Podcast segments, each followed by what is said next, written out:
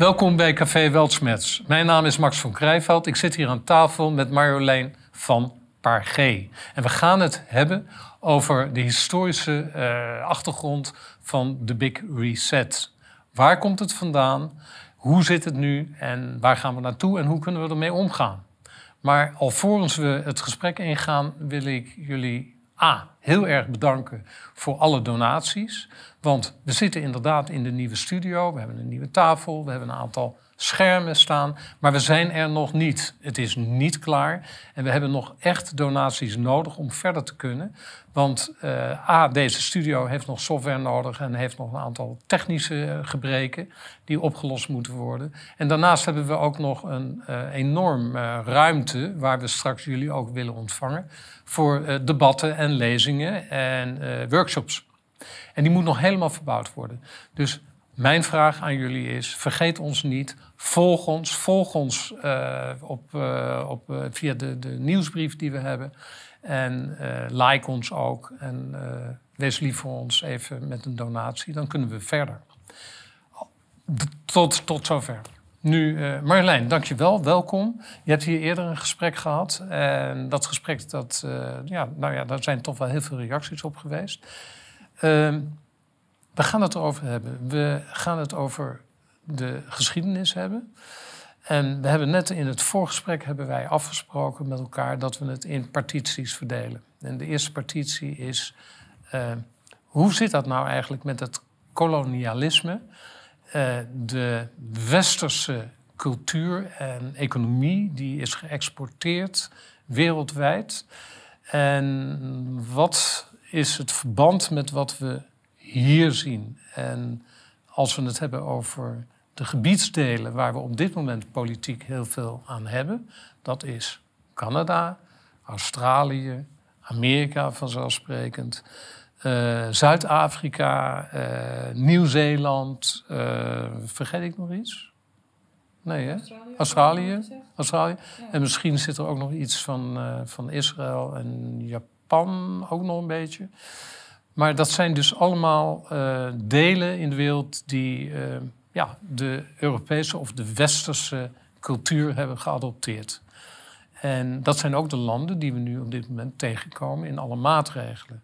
En dat maakt het ook een beetje voor ons eng, zeg maar. Ik ben nu sinds een jaar of 12, 13 heel specifiek bezig met zeg maar, de Nederlandse bezetting van Indonesië. Um, en daar ben ik dingen gaan zien. En toen kwam op een gegeven moment uh, ja, die hele uh, Great Reset op. Um, en toen was het voor mij eigenlijk heel snel de link gelegd. Ik dacht, ze zijn opnieuw bezig met iets groots, met iets ja, wereldomvattends. Maar dan is de eerste vraag, is wie zijn met iets bezig? Want ik herinner mij trouwens, ik leefde toen niet, maar, uh, of misschien nog net wel... Uh, maar de, de, de, invloed van Nederland op, uh, op uh, Indonesië, dat is duidelijk. maar hoe zie je dat? In welk verband zie je dan wat er nu gebeurt? Ja, ik heb natuurlijk in de vorige interview al wat een voorzet gegeven. Um, ja, dus ik zie dat dat wat er nu gebeurt. Kijk, heel veel mensen spreken over een globalistische agenda. En, global, en, dat, en dat zien we duidelijk. Dus dat, daar hebben we geen discussie maar over. Maar dat zijn, market, dat zijn marketingtermen. Hè? Dus dat hoef je ze ook niet helemaal serieus te nemen. Nou ja, globalistisch in de zin dat het natuurlijk globaal is, uh, is, is, is onmiskenbaar. Alleen het is niet iets wat nu pas gebeurt. Dus het, als je kijkt naar de VOC, de Verenigde Oost-Indische Compagnie, die uh, in Amsterdam, uh, in, in, in, Nederland. Wat Nederland maar, groot gemaakt ja, heeft. Dat is zo financieel. En daar zie je dus dat dat was een globalistisch project. Ik bedoel, ze gingen naar de andere kant van de wereld om daar dingen te doen, uh, om grondstoffen te halen en zich te verrijken. Um, dus daarin zie ik uh, lijnen. Um, en het is niet. Um, het, kijk, een, een, een komen en gaan. Dit wereldrijk, ja, Misschien zien we nu de ineenstorting ervan, maar misschien zien we een, een, een nieuwe reset. Dat ze zich opnieuw vernieuwen en op een andere manier hetzelfde kunnen gaan doen. Um, en wereldrijken komen en gaan. Maar dit wereldrijk uh, is dus nog niet gevallen, stel ik. En het is ook, het is ook vrij specifiek in de tactieken waarmee het zich, waar, het zich van bedient. Dat is niet bij het Romeinse Rijk zo geweest. Dus, dus uh, dit wereldrijk is uh, vanaf de 15e, 16e eeuw een strategie gaan gebruiken uh, met hele specifieke kenmerken. En dat is onder andere dat ze dus um, eigenlijk zelf niks hadden. Of ja, niks, maar Nederland was groot in bijvoorbeeld de graanhandel, maar niet. Hè? En ze, ze, ze ontdekten dus dat, dat um, specerijen in die tijd dat dat echt enorme financiële waarde hadden. En dat zijn ze gaan halen om die basis te leggen, om zich te verrijken. Dus, dus in een, een klassieke wereldrijk had je een kern die steeds ja, sterker werd, krachtiger werd, machtiger werd en zich aan het uitbreiden was. Met als doel om steeds meer territorium zich toe te eigenen. Dat was het doel vanuit de klassieke wereldrijken. Ja. Alleen dit wereldrijk had niet zozeer als hoofddoel: we moeten meer land bezitten. Maar wel, we moeten onze, onze, uh, onze financiële waarde vergroten. En hoe doen we dat? Dat was in dat geval dus naar andere landen gaan, naar andere gebieden, om daar niet door handel, maar door afpersing uh, aan grondstoffen te komen. En daar dan uh, heel rijk van worden. Maar waar, waar, ik zie die vergelijking op dit moment nog niet. Ik ga ervan uit dat je er wel mee komt, maar uh, ik zie dat er nu andere doelen zijn. Het gaat nu niet om graanhandel, het gaat nu niet om, uh, uiteindelijk ook niet. Het gaat waarschijnlijk wel om grondstoffen, dat geloof ik wel. Het gaat ook om uh, een wereldmunt, het gaat om wereldinvloed, het gaat om macht, het gaat om wellicht ook een reductie van de wereldbevolking. zo zijn er allerlei elementen die het dan ook een big reset maken. Het is economie, het is cultuur, het is politiek, het is noem maar op. Ja, maar ik denk dat ook nu is eigenlijk, uh, uh, gaat het om het, om het, het oude financiële systeem. Uh, volgens mij Katrien uh, Fitz legt het heel goed uit. Hè? Dat, dat het een, een reset is. Dat aan de basis gaat het om, een, om, een, om een, uh, de reset van een financieel systeem. Het ja. oude systeem werkt niet meer. En ze proberen inderdaad nu een wereldmunt uh, er doorheen te drukken. En daaraan vast hangen allerlei dingen die dus te maken hebben met macht over de massa. Ja. Want, want um, zo'n zo'n reset is natuurlijk. Ja, het gaat om geld. Maar geld is, is natuurlijk ook niet is, is ook maar een middel, zou je zeggen. Het gaat om macht, het gaat om en invloed. Die, daar hangt dus macht aan vast, maar ook ideologie. En dat zie je dus ook bij die opkomst van die VOC. Het is niet alleen zomaar droge... Uh, ja, het is niet alleen wat altijd gezegd is dat het handel was... en dat Nederland verder geen ideologische dingen zou hebben opgelegd. Ook die VOC, maar ook al die andere... Uh, Engeland, Frankrijk, noem ze allemaal maar op. En daarna dus die nieuwe uh, machten zoals de Verenigde Staten van Amerika die komen ook met een ideologie. Want anders kunnen ze die massa niet onderdrukken. Oké, okay. maar dan ja. wil ik toch even terug naar het, dus die periode. Uh, Nederland, maar ook Engeland, uh, Frankrijk. we hebben eigenlijk met z'n drie, Duitsland niet, België bestond nog niet. Maar we hebben eigenlijk met z'n drieën hebben we zo'n beetje de wereld bevaren. Trouwens Spanje ook. Portugal. Ja. Ehm, maar we hebben dus uh, de wereld bevaren. We hebben ontdekkingsreizen gedaan, want de wereld bestond eigenlijk nog niet. Hè. Die wereld bestond pas toen alles in kaart gebracht was. Um, en we ontdekten heel veel. Een van de leugens natuurlijk van dit systeem. Dat zou kunnen. Is, dat die zou wereld kunnen, bestond natuurlijk wel. Ja, er woonden mensen. En Jawel, alleen was, het was niet in kaart gebracht. Het was niet volledig in kaart gebracht. Ja, voor, voor hier. Nee. Maar dat wil toch ja. dat is toch geen graadmeter? Als, nee, hier, nee. als wij hier achterlopen en nog niet weten hoe het daar in elkaar zit, Eens. dan bestaat het wel. Eens. Ja. Maar even, even terug. Dus we, hebben een, uh, we zien nu op dit moment een enorme invloed. Een cultureel-economische invloed die ontstaan is vanuit Europa, het Westen. Het is een Europees... Ja. Het is een Europees ding. En we zien nu ook, terugkomend in deze crisisperiode, zien we dat de landen die wij eigenlijk min of meer toegeëigend hebben, want de bestaande bevolking hebben we verdrongen, als het ware, op wat voor manier dan ook. Uh, en je ziet nu dat, er, um, dat de medestanders in de maatregelen zoals we die nu kennen en op ons afzien komen, de medestanders zijn precies die landen die wij in de geschiedenis hebben gebouwd. Ik zeg het wel heel netjes, ja. maar ik bedoel het wat minder. Ja, je bedoelt natuurlijk dat de Verenigde Staten, Australië, dat soort landen, dat dat dus, ik noem dat Dat altijd, zijn nu medestanders uh, die ook uh, aan, de, aan het, uh, aan de, zeg maar, beleid aan meedoen.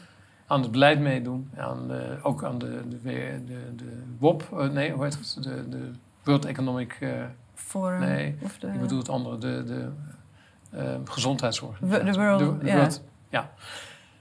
De WHO, ja. Um, ik denk dat het belangrijk is om inderdaad te beginnen met te zeggen dat, dat uh, de Verenigde Staten, die natuurlijk een soort leider is geworden in de afgelopen 20e eeuw, in de, de 20e eeuw tot nu toe, dat, dat, dat ik dat zie als een uh, koloniale bezetting die nog steeds bestaat. Dus het is inderdaad een resultaat van iets. En ja, daar, daar hebben we natuurlijk ook Australië, Canada, uh, Nieuw-Zeeland. Um, dus hoe bedoel ik dat? Uh, het is zeg maar hetzelfde. Dus Nederland ging naar Indonesië, ging daar op, op een gegeven moment ook uh, een regime installeren en dat heel, effectief, heel, heel actief beleid voeren. En dat zou hetzelfde zijn als, als, we zeg maar, als de, de Nederlanders daar de oorspronkelijke bevolking bijna zou hebben uitgemoord, daar nog steeds zou zitten en dat het dan Nederlands-Indië zou noemen. En dat was dan een, een, een dat is de Verenigde Staten. Dat is Australië. Dat is Nieuw-Zeeland. Het zijn eigenlijk die ouderwetse, ik noem het de, de, de ouderwetse koloniale bezettingen, die in andere delen van de wereld uh, zijn opgelost en waarin nieuwe zelfstandige staten zijn ontstaan, zoals ja. de Republiek Indonesië. Ja, dat is geen Nederlands-Indië meer. Dat, dat, dat is een onafhankelijke staat geworden. Maar die, ik noem dat de oude stijl koloniale staten, zoals Amerika, die zijn er nog. En wat je ziet is dat in die lange geschiedenis van ongeveer 500 jaar dat telkens een ander gebied, een soort van de, waar uh, de machtscentra uh, ging zitten voor een periode. En dat is Nederland een tijdje geweest in de 17e eeuw. Maar vervolgens is dus, hebben zij het stokje doorgegeven aan Engeland. De 9e, zeker de 18e, 19e eeuw is echt de tijd dat Engeland, uh, ze zich op de borst klopte met wij hebben een rijk waar de zon nooit ondergaat. En daarna zie je dus dat de opkomst van Amerika. En die perioden, die, uh, die kennen dus een bepaalde eind. Dus ze zijn niet, het is niet uh, duurzaam, het is niet houdbaar. En dat blijkt steeds weer. Dus moeten ze iets doen om zich te handhaven. En ik denk dat we dus nu voor de zoveelste keer kijken naar zo'n poging om zich opnieuw uit te vinden, om zich opnieuw in een andere vorm te gieten, maar wel met dezelfde kenmerken. Ja, maar dat is mooi. Maar dan uh, vraag ik me dan toch af wie zijn, waar komen die waar, komen die, uh, waar komt die invloed vandaan? Dat is eerder Amerikaanse invloed dan dat het Europese invloed is. Dus je zou ook kunnen zeggen, wij hebben onze invloed of onze cultuur, onze economische systemen en uitgangspunten hebben we geëxporteerd naar al die landen. En die zijn daardoor uh, tot bloei gekomen. Uh, de meest bloeiende is altijd Amerika geweest. Um, en nu zie je ook dat de invloed van Amerika, dus als wereldmacht met een wereldmunt en met een uh, ambitie om politie te zijn van over de hele wereld. Je ziet dat dat land aan, de, aan de afgrond ligt, hè, economisch, ook cultureel, ook sociaal. Um, maar het lijkt alsof de kat hele rare sprongen maakt, omdat hij in nood zit en dus nu weer zijn belang in Europa heeft verstevigd en Europa weer in een positie brengt, een conflictueuze positie, waarin Europa dus weer afhankelijk gemaakt wordt, zoals na de Tweede Wereldoorlog ook gebeurd is, Mm, voor allerlei economische ontwikkelingen. Dus wat, kijk, ik zie dat Europa een geweldige periode heeft gehad. Met, ook met haar relatie en de ontwikkelingen in, met handel in, met China. Hoewel dat niet door iedereen gedeeld wordt. Maar je ziet dat, dat we heel erg goed aan het groeien waren. We waren ook aan het groeien met Rusland. En je ziet nu ook dat Amerika heeft eigenlijk alles doorgesneden. En heeft zich helemaal gericht op ja, Europa. Maar ja, ik, ik zie dat toch iets anders. Omdat ik, wat ik zie, is dus dat die banden ja. Uh, dus, dus dat Amerika niet zo losstaat. Er wordt natuurlijk soms een indruk gewekt alsof wij nu een soort van uh, slachtoffer zijn van die Amerikanen. En we meegezogen worden in dan ja, dat wat, wat, wat, wat, dat, wat, ja. wat Amerika met ons van plan is.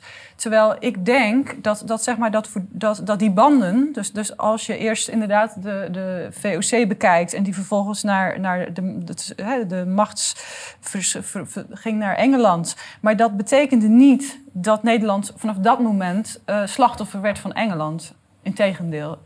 de iets, dus het klopt dat toen Nederland zeg maar wat minder invloedrijk werd en niet meer die, die vlaggen, niet meer de vlaggenvoerder was, maar die was dermate afhankelijk zeg maar, van dat, Engel, eh, dat Engelse Rijk, dat ze dus altijd samen opgingen. Dus ja, er zijn natuurlijk ook altijd van die conflicten onderling, die zijn er ook altijd. Maar uh, je ziet dat ze, dat ze eigenlijk niet zonder elkaar kunnen. En dat is ook met, daarna dus met Engeland en Amerika. Ik bedoel, ze hebben zelfs oorlog tegen elkaar gevoerd. Hè? Ik bedoel, uh, die broeders en zusters in Amerika die gingen zich dan weer afzetten tegen hun broeders in Europa. Dus ik bedoel, op het oog lijkt het dan tegenstellingen. En lijkt het alsof ze van elkaar af willen. Maar in de praktijk, als je ziet hoe, hoe, hoe al die clubjes waar mensen in zitten, al die, eh, juist die financiële instellingen, allerlei bedrijven, die, worden, die, die, die zitten heel dicht bij elkaar. Dus ik zou zeggen, uh, laten we ons niet uh, afleiden door wat we op het eerste gezicht zien, alsof Amerika ons in de greep houdt. Uh, want dat zou betekenen, dan zouden we eigenlijk, ik denk dat we dan Europa tekort doen. Ik denk dat er net zoveel macht en verantwoordelijkheid hier ligt. Um, en dat is dus omdat ze eigenlijk vanaf het begin is dit een, is dit een systeem wat over lijken gaat, maar wat eigenlijk ook zelfdestructief is, hoe raar dat ook klinkt. Ze moeten dus steeds die resets doen, omdat het niet duurzaam is. Het is niet. Ze maken ook natuurlijk ondertussen alles kapot. Dus als je ziet waar ze vanaf het begin, hoeveel ze kapot hebben gemaakt in de wereld qua natuur en ecologie, van alles ze gaan niet alleen over lijken, ze gaan ook over, over dierenleed, over alles heen. Hè? Dus, ja. dus wat ik maar wil zeggen is dat, um, dus dat ik, ja, ik zie niet dat Europa een soort van, oh, die waren eigenlijk best wel ineens vredelievend bezig en wilden best wel vriendjes zijn met China. Ik denk dat dus die manier van handelen, die heel inderdaad bijna soms, soms absurd is. Dat je denkt, het is toch niet goed voor jezelf dat dat uh, uh, door de geschiedenis heen een terugkerend iets is. Het is niet een verstandig systeem. Het is niet uh, okay. logisch. Dan wil ik het heel graag hebben over het volgende onderwerp. En dat is de invloed van de adel en de koningshuizen in al deze processen. Ja, um, dat is ook weer zo'n rode draad inderdaad. Dus ja. dat maakt dat um, dus die, die er is soms de indruk gewekt dat het kapitalisme dat het gaat om bedrijven en die zijn juist anti-overheid, toch? Uh, wij denken dan VVD, liberaal, dat zijn mensen die willen, niet, uh, die willen niet te veel bemoeienis. Want die willen lekker op die markt kunnen spelen met elkaar, die zogenaamde vrije markt. En die willen niet te veel overheidsbemoeienis. Maar als je die geschiedenis gaat bestuderen van het kapitalisme, dan zie je ook dat, dat, dat, um, dat ook die weer onlosmakelijk aan elkaar verbonden zijn. Dus die overheden, maar dus ook die, die, die, uh, die uh, koningshuizen, die vorstenhuizen, die, die ja, feoda, eigenlijk oude feodale families, de adellijken, dat die daar dus vaak, uh, en begin 1900 bestond de hele regering uit alleen maar mensen van adel. En dus dat die met elkaar dat allemaal uitdokteren. En dat die, dat die uh, CEO's van grote multinationals. Uh, ik heb het dan wel over echt grote bedrijven. Ik bedoel, als jij gewoon een bakkertje bent ergens in een dorp. dan speel je natuurlijk ergens mee in de vrije markt zogenaamd. Maar daar heb ik het niet over. Het gaat echt. Als je, als je bedrijf zo uitgroeit, als een Albert Heijn of zo. dan uh, ben je afhankelijk van die overheid. Dan, ga jij, dan, dan gaat er een relatie ontstaan die ze helpen elkaar dan verder. dus als, een, ja. als dan een KLM op omvallen staat, dan komt die staat hem wel bijstaan. En dat zou dus nooit doen bij die bakker op de hoek. Nee. Dus op een bepaald niveau is dat niet los. Hebben ze, kunnen ze niet zonder elkaar. Ja, maar ik heb het ook wel over het, um, zeg maar de ontwikkeling van het beleid. Hè. We, zien Maxima zien we acteren op allerlei forums en, en, en, bijeenkomsten. En ze heeft het over zaken die wij in de politiek en in de democratische processen niet tegenkomen. Dus het lijkt wel alsof de besluitvorming rondom allerlei vernieuwingen, dat die geheel buiten uh, de, de discussie blijven. Ja. En uh, dat ze dus ja, in kleine groepjes worden, worden gesmeed en worden, uh, worden uitgezet ja. en gecreëerd. En dan heb, zijn er heel veel, wat ik dan zeg, uh, dat zijn de, de fracties en de, de conflicten tussen fracties. Um, kan je daar iets over zeggen? Hè? Want we hebben de vrijmetselaars, we hebben de rozenkruisers, maar er zijn ook nog andere verbindingen, ook tussen de koningshuizen. ik zie verschillende koningshuizen onder enorme druk gezet zijn. je ziet een conflict in, in, het Koningshuis van Engeland, wat, wat mega wordt opgeblazen door de media. Nou, de media zijn het sluitstuk van het overheidshandelen en van de regeringsbesluiten. Uh, dus op het moment dat de media daar, uh, daar aandacht aan besteedt en het groter maakt dan dat het is, dan betekent zit het ook. Iets. Dan zit daar ja. een besluit achter. Dat geldt ook voor, uh, voor wat er op dit moment met ons Nederlands Koningshuis aan de hand is. er waren enorm, enorme protestacties tijdens de Prinsjesdag langs de route. Normaal gesproken, ik ben Hagenaar, dus ik weet het van, van binnenuit is het zo dat als je wil protesteren met uh, Prinsjesdag, dan uh, word je buiten de stad gezet. En nu werd het, uh, werd het gefaciliteerd door de politie. Ze kregen de, de voorkant. Dus er is aan de kant van de Nederlandse regering, CQ de overheid, is er blijkbaar iets aan het veranderen ten opzichte van het Koningshuis. Ja, dat weet ik niet. Ik uh, ben vooral, ik zie die lange lijnen en ik zie dat het Koningshuis en de Oranjes uh, door de Nederlandse kapitalistische geschiedenis één grote rode draad zijn. En die hebben zo ontzettend veel geld daarmee verdiend. Dus het kan niet anders dan ook nu nog uh, zitten ze daar met alle tentakels in. En dat zie je inderdaad als een, geloof een stichting als Future NL, die, die al een paar jaar bestaat. Die was al dus in 2019 bezig met het, ja, het aanbieden van onderwijspakketten. En dat ging dan eigenlijk over allemaal thema's die wij nu in de Great Reset genoemd zien. Uh, ja. En dan zie je dus, dan, dan zitten er allemaal oranjes in het bestuur van die stichting. Uh, er zit een, een Maxima die gaat dan een proefles draaien voor zo'n uh, klas. En die gaat dan allemaal vertellen hoe, hoe, over chips en over allemaal dat soort zaken.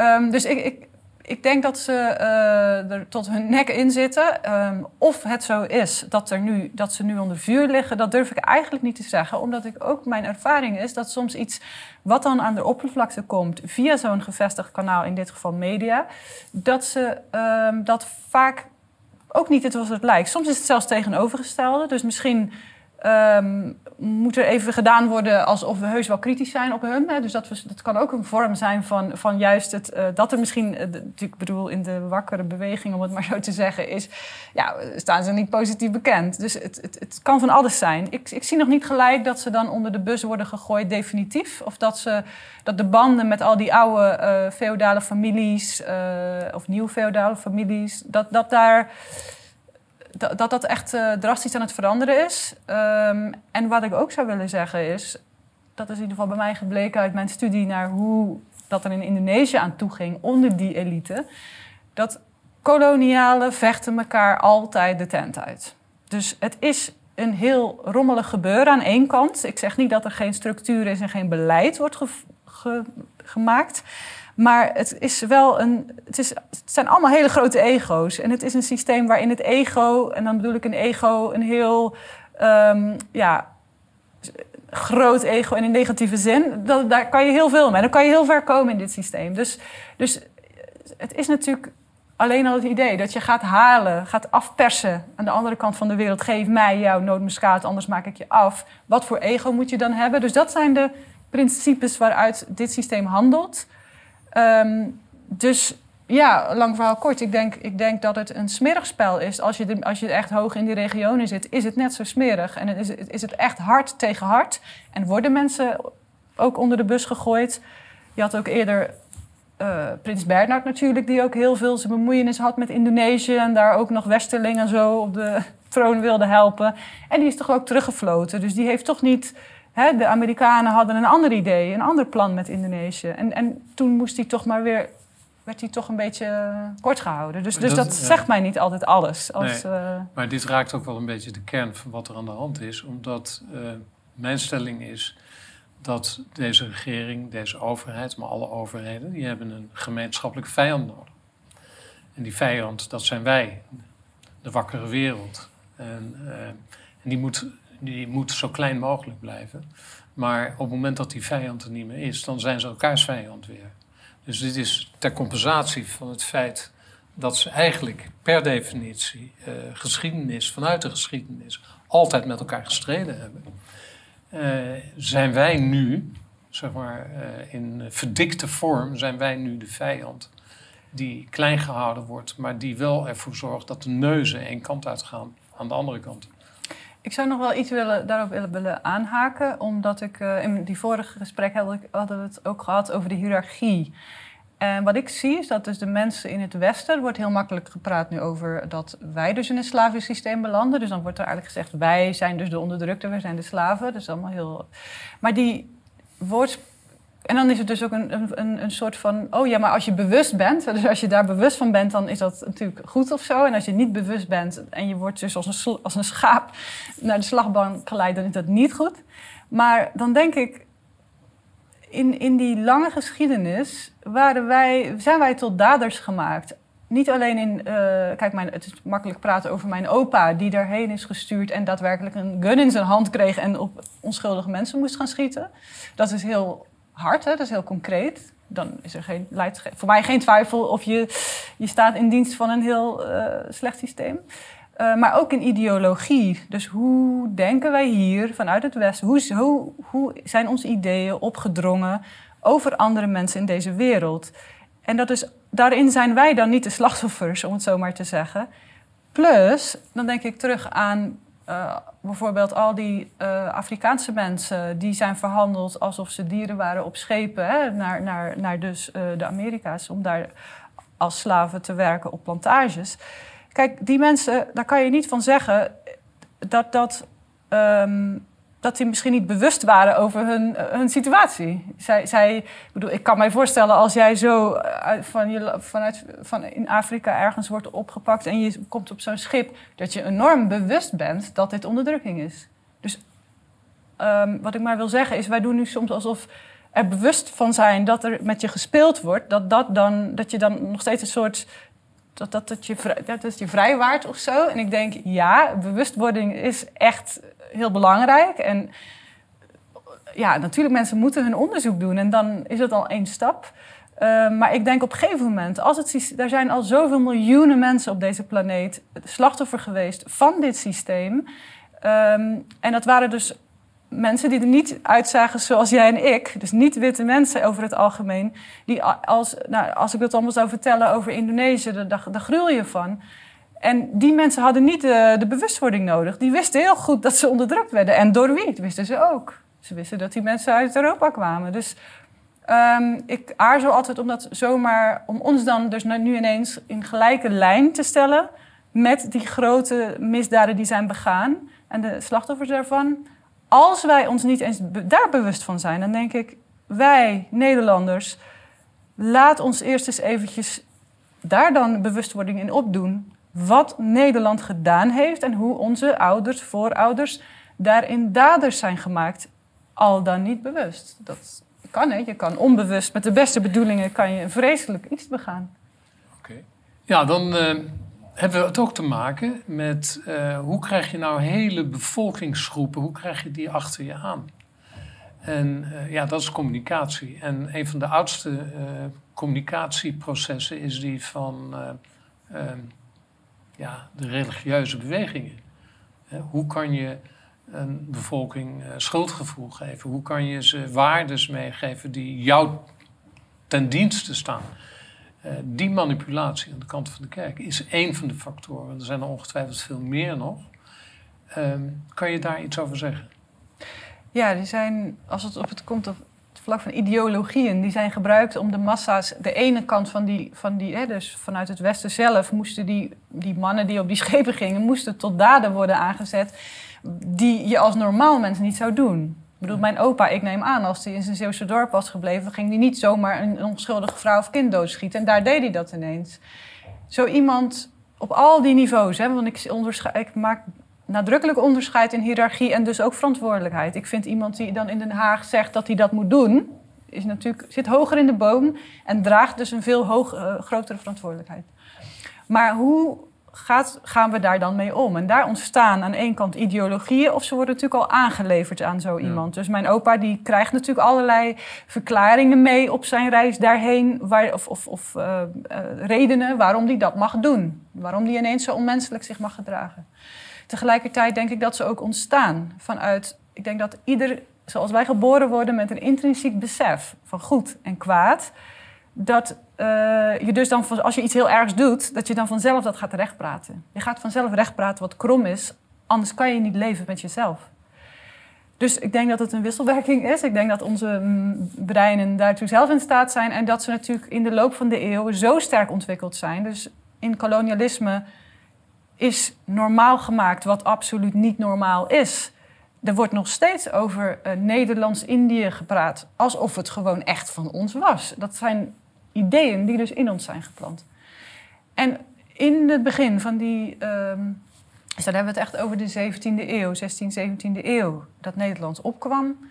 Uh, waren wij natuurlijk, kwam dat Calvinisme hier heel sterk op. Hè? Dus die, die gereformeerde uh, gedachtegangen van uh, hoe de wereld. Hoe, ja, zij voelden zich natuurlijk beter dan die, dan die vreselijke katholieken. En laten we het nog maar niet over moslims hebben. Dat waren echt een stelletje, daar keken ze echt op neer.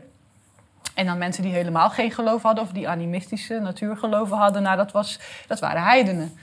Dus daarin zat een superioriteitsgevoel, die misschien wel ergens juist verband houdt met een inferioriteitsgevoel. Want het moest natuurlijk hun daden, al hun misdaden. Want ik bedoel, het waren gewoon barbaren wat ze deden. Het is gewoon barbaars gedrag. En daarvan gingen ze juist zeggen: wij zijn zo ontwikkeld en we komen daar ontwikkeling brengen. Maar het is barbaars gedrag. Wat dus aan de hand van die religie goed gepraat werd, maar waarmee ook mensen tot, zijn, tot acties zijn aangezet die ze anders nooit zouden doen. En om nog een stapje verder te maken, dus we zijn eerst was vooral die, die religie, dat element uh, dat, dat heel sterk aanwezig was. Maar ze hebben natuurlijk meerdere sporen waarmee ze dat kunnen bereiken. En, en, en wat je ziet, dat ze in de 18e, 19e eeuw komt die de wetenschap op. Nou, ja. Ik bedoel, hier hebben we ook genoeg gesprekken gezien waarop die wetenschap kritisch uh, is uh, bevraagd. Dus um, die wetenschap, juist die wetenschap is eigenlijk, ik noem dat ook, het, is een, het, is een, het heeft een functie gekregen van een soort intelligence. Dus het is, het is een, een, een, een reservoir aan, aan feiten, aan, aan kennis, aan, aan informatie over die volkeren die onderdrukt moesten worden. En dan kan zo'n willekeurige antropoloog, die misschien heel nuffig veel in de boeken zit en af en toe wat vogeltjes bestudeert op uh, Sumatra, denken dat hij heel onschuldig bezig is. Maar al die wetenschappers met elkaar waren dus bezig met het uh, aanbieden van informatie aan die beleidsmakers, die als ze die informatie nodig hadden, konden ze die daaruit plukken. Maar ook daar zit weer de ideologie in. Want ook daar zit de superioriteitsgedachte van als iets wetenschappelijk bewezen is, dan, dan is dat zo. En toen zijn ze daar dus ook heel duidelijk, uh, dus vanaf 18e eeuw zijn ze dus echt uh, racistische theo theorieën uh, gaan bedenken. En dat, ja, ze gingen op een gegeven moment natuurlijk, ze moesten natuurlijk ze hebben toch dat, dat, dat element uiterlijk hebben ze gebruikt eigenlijk. Ze hebben misschien naar zichzelf gekeken en gedacht... ja, wat onderscheidt ons van al die volkeren? Dat is onze huidskleur. We zien een beetje... Ja, tegenwoordig zeggen we wit, maar eigenlijk een beetje rozig, toch? Een beetje... Een beetje uh, in deze zeiden ze, dat, noemden ze ons rood. Want we werden heel snel rood door die zon. Hè? We verbranden onze, onze kop. Dus ja, dat waren roodhuiden, rode mensen. Maar dat zijn ze dus gaan zien als... Ja, het is eigenlijk heel belachelijk als dat is iets anders. En op basis van die lichamelijkheid hebben ze dus theorieën bedacht. Ze gingen schedel meten. Ze gingen zeggen, ja, maar wij hebben echt wel meer capaciteit in onze hoofden zitten. Ze, ze hebben natuurlijk nooit hard kunnen maken. Als je dat nu leest, dan lach je erom. Maar het is wel de ernst dat ze met die wetenschappelijke ideologieën... want het is dus het is geen echte wetenschap, pseudowetenschap zijn ze wel zover gegaan dat, dat hele volkeren, dat wij zelf ook zijn gaan denken dat we inderdaad iets beter zijn. Maar ook dat de volkeren die ze onderdrukten zijn gaan denken dat donker is lelijk, is, is, is niet goed, is, uh, dan, dan, ben ik, dan ben ik niemand. Dat, ik bedoel, ik, heb ik zie dat nog in Indonesië. Daar, is, ja, daar wordt dan ja, als jij daar zou lopen, dan willen ze met jou op de foto. Maar als jij een zwarte man was geweest, dan denken ze daar niet, gaan ze niet om je heen staan springen. Dus ja, het is, zo, zo ver is dat gegaan. Het is natuurlijk een heel. Ja, en dan denken mensen, dan hoor ik nu vaak zeggen van ja, racisme, ja, ik zie geen kleur en iedereen is voor mij gelijk. Maar dan denk ik, onderschat niet hoe zoveel eeuwen hoe dat doorwerkt. En dat je dus helemaal niet bewust kunt zijn van op welke maniertjes je nog steeds zo denkt. Ja, in de context van uh, wat wij doen en wat we ontmoeten. Hè. We hebben kranten, we hebben televisie, we hebben cultuur, kunst, uh, theater, muziek, et cetera. En wat, ik kom zelf uit, uh, uit de kunstwereld. En wat je ziet is dat daar in de 70 jaren zo'n beetje langzaam, nou iets later, 80 jaren, heeft de overheid enorme grip gekregen, met subsidie over het algemeen, uh, op, op de uitoefenen van kunstprojecten. Dus ook bij individuele kunstenaars. Die krijgen geld op het moment dat ze zich houden aan uh, de onderwerpen en de, de invloed van de overheid. En daar niet van afwijken. Dat is ook een van de redenen waarom je uh, in de cultuur bijna niemand tegenkwam die zich tegen de coronamaatregelen hebben gericht, terwijl ze verdomd goed weten uh, dat dat niet, hè, want niet is zo kritisch als een kunstenaar in principe. Um, maar ze wisten het en uh, ze hebben hun mond gehouden. Nou, daar zullen we ooit nog wel eens een, een serie programma's over maken. Maar wat ik, zeg maar, in die beïnvloeding ja. van woke, et cetera, kom ik ook Netflix, in de bioscoop, et cetera. Amerikaanse televisiefilms, Amerikaanse series, Amerikaanse films, bioscoopfilms. Ze hebben allemaal, ze duiden als het ware en bevestigen het goede en het kwade. Uh, de, uh, de gevechten, uh, de politie, die, maar ook corruptie trouwens. Ook corruptie wordt in beeld gebracht. Maar dan zie je ook dat corruptie wordt gekleefd aan mensen en geld en niet zozeer aan macht. En zo zie je dat wij eigenlijk allemaal continu onder invloed staan van, uh, van eigenlijk van via dus dit soort uitingen van de overheden en van de regeringsbesluiten. Maar het is heel massaal. En het is ook heel moeilijk om je daar uh, los van te maken. Ja, en het is soms ook, ik zeg altijd, je, je, weet bijna niet meer waar de leugen dan in schuilt. Hè? Want het is allemaal leugen om ons heen. Maar toch kun je wel, hè, we, als we zelf gaan onderzoeken, kom je, weet je, soms kun je toch achter dingen komen. Ja, maar je creëert ook je eigen leugens. Hè? Ik bedoel, je maakt van ieder verhaal wat je tegenkomt, maak je ook je eigen verhaal. Ja, maar ik geloof wel dat waarheid bestaat en dat je die ook kunt vinden. En ik, en ik, en ik, ik uh, er zijn natuurlijk mensen die zeggen er is geen waarheid, want inderdaad het is allemaal subjectief. Nou, dat, dat geloof ik nou, niet. Je hebt feiten. Maar de interpretatie van feiten, dat is ja. niet waarheid. Maar goed, dat is een discussie. Ja, dat is een andere. Ik geloof wel dat, ja. dat, dat er een waarheid... Dat is bijna een filosofische ja. discussie. Uh, maar ik kom zelf ook dus van oorsprong uit de kunstwereld. En ik heb kunstacademie gedaan, fotografie. En ik ben, het ook helemaal, ik ben er ook helemaal klaar mee. Ik ga niet eens meer naar musea. Ik, ik, ik trek het gewoon niet meer. Maar wat, wat, wat het rare is juist dat um, ik ben dus sinds een jaar of dertien echt actief bezig met geschiedenis. Ik heb uiteindelijk ook nog een master koloniale geschiedenis in Leiden gedaan. Met heel veel conflict trouwens. Maar omdat ik daar ook gewoon tegen de marges uh, stuitte van dit mag wel gezegd ja. worden en dit mag niet. Dus in de praktijk door mijn mening word ik buitengesloten. Want heel veel van mijn, ja, wat, wat, wat misschien rechtse mensen zouden dat als, als linkse mensen aanduiden. Heel veel van die mensen die met kolonialisme racisme bezig zijn, die, die, die spugen mij uit. Want uh, ja, enerzijds misschien omdat ik ook een wappie ben, hè, volgens hun. Maar ook omdat ik dus te radicaal ben, volgens hun. Ze vinden dat ik te extreem ben, omdat ik dus zeg dat hele systeem deugt niet. Ja. Terwijl zij profiteren ervan mee, zij krijgen die subsidies. En wat je ziet is dat het kolonialisme, racisme, is een verdienmodel geworden. Dus, en dat is met heel veel onderwerpen zo. Dat heb je natuurlijk ook met, met, met uh, het klimaat. Of, het zijn heel veel onderwerpen die het systeem toe-eigent. Het, het wordt gekaapt. Maar daarmee moet je dus niet uh, denken dat die onderwerpen zelf onzin zijn.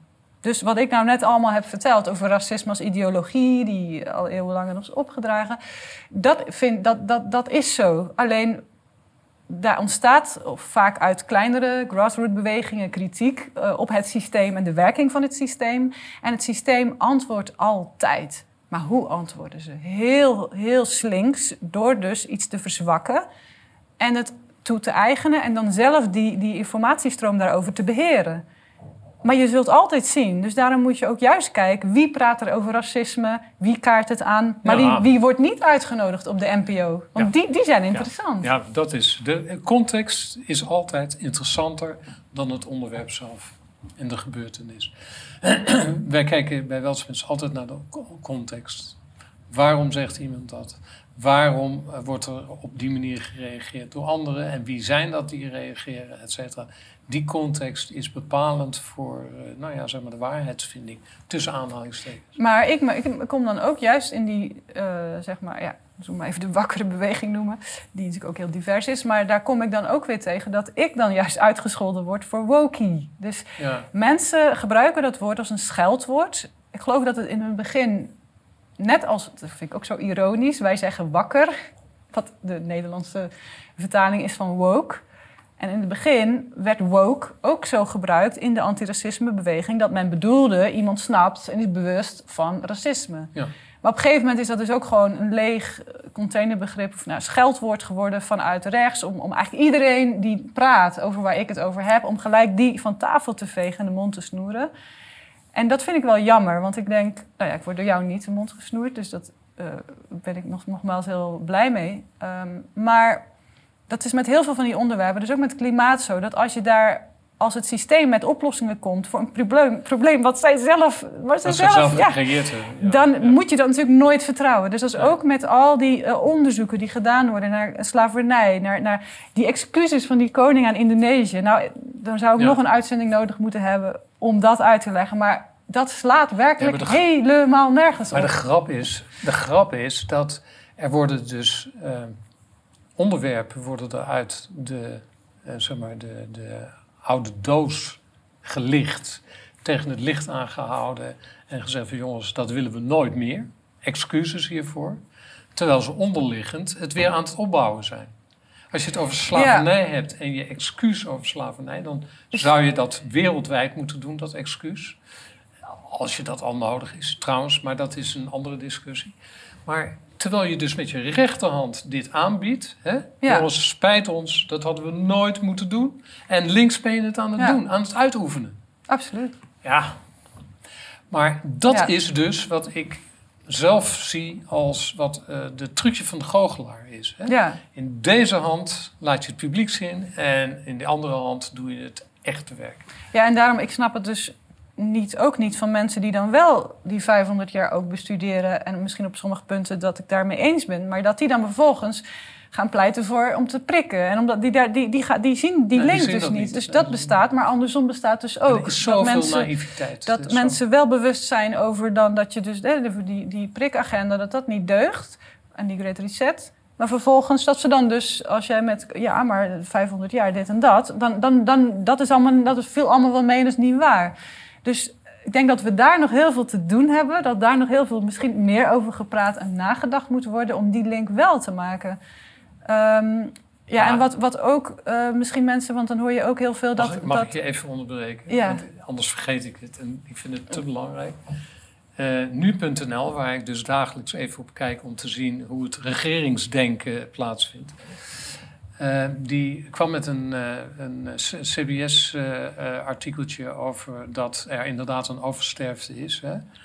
En ja, het probleem was dat ze weet, weten absoluut niet waar het vandaan komt. Het kan ouder, ouderdom zijn, het kan het vallen zijn. Nou ja, ze hadden er allerlei mogelijkheden zou het kunnen zijn, maar het was onmogelijk om dat uit te zoeken. Ze wisten één ding zeker: het kwam niet door het vaccin. Ja, dat kan niet. En dan denk ik van ja, weet je, je weet niet hoe het jongetje heet, maar je weet wel dat hij geen Piet heet. Ja. Dat is een beetje de, de verklaring. En dat is op zich niet erg dat ze dat doen. Het, wat, ik, wat ik zo erg vind, is dat het niet opvalt, dat mensen het niet zien.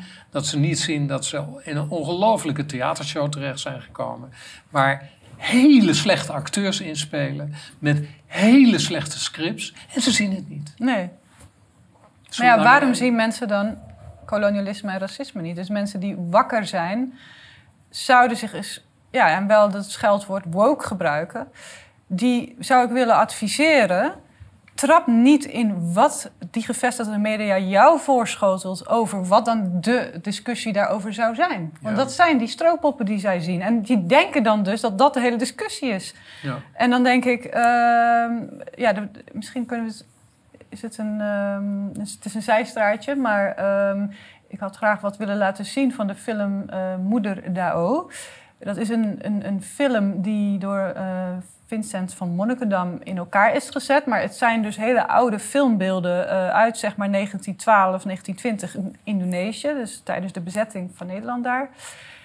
En dus mensen die dan met woke, hè, is onzin, die zouden misschien die films kunnen kijken. Hij staat ook op YouTube in meerdere delen, Moeder Dao.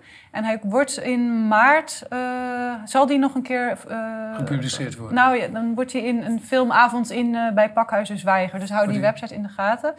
En die film, waarom noem ik die? Omdat die heel goed laat zien... zeg maar, die, dat beeld, dus, dus, dus dat als je, die, als je die beelden tot je door laat dringen dan besef je dus wat ik net allemaal bedoelde. Ik kan het misschien in duizend woorden niet zo goed uitleggen als die filmbeelden dat in your face laten zien. Hoe hele mensenmassa's daar, dus al die Indonesiërs, uh, aan het zwoegen zijn voor die witte mannen in die witte pakken met die witte hoeden, die alleen maar bevelen uh, uit, uh, uitdelen.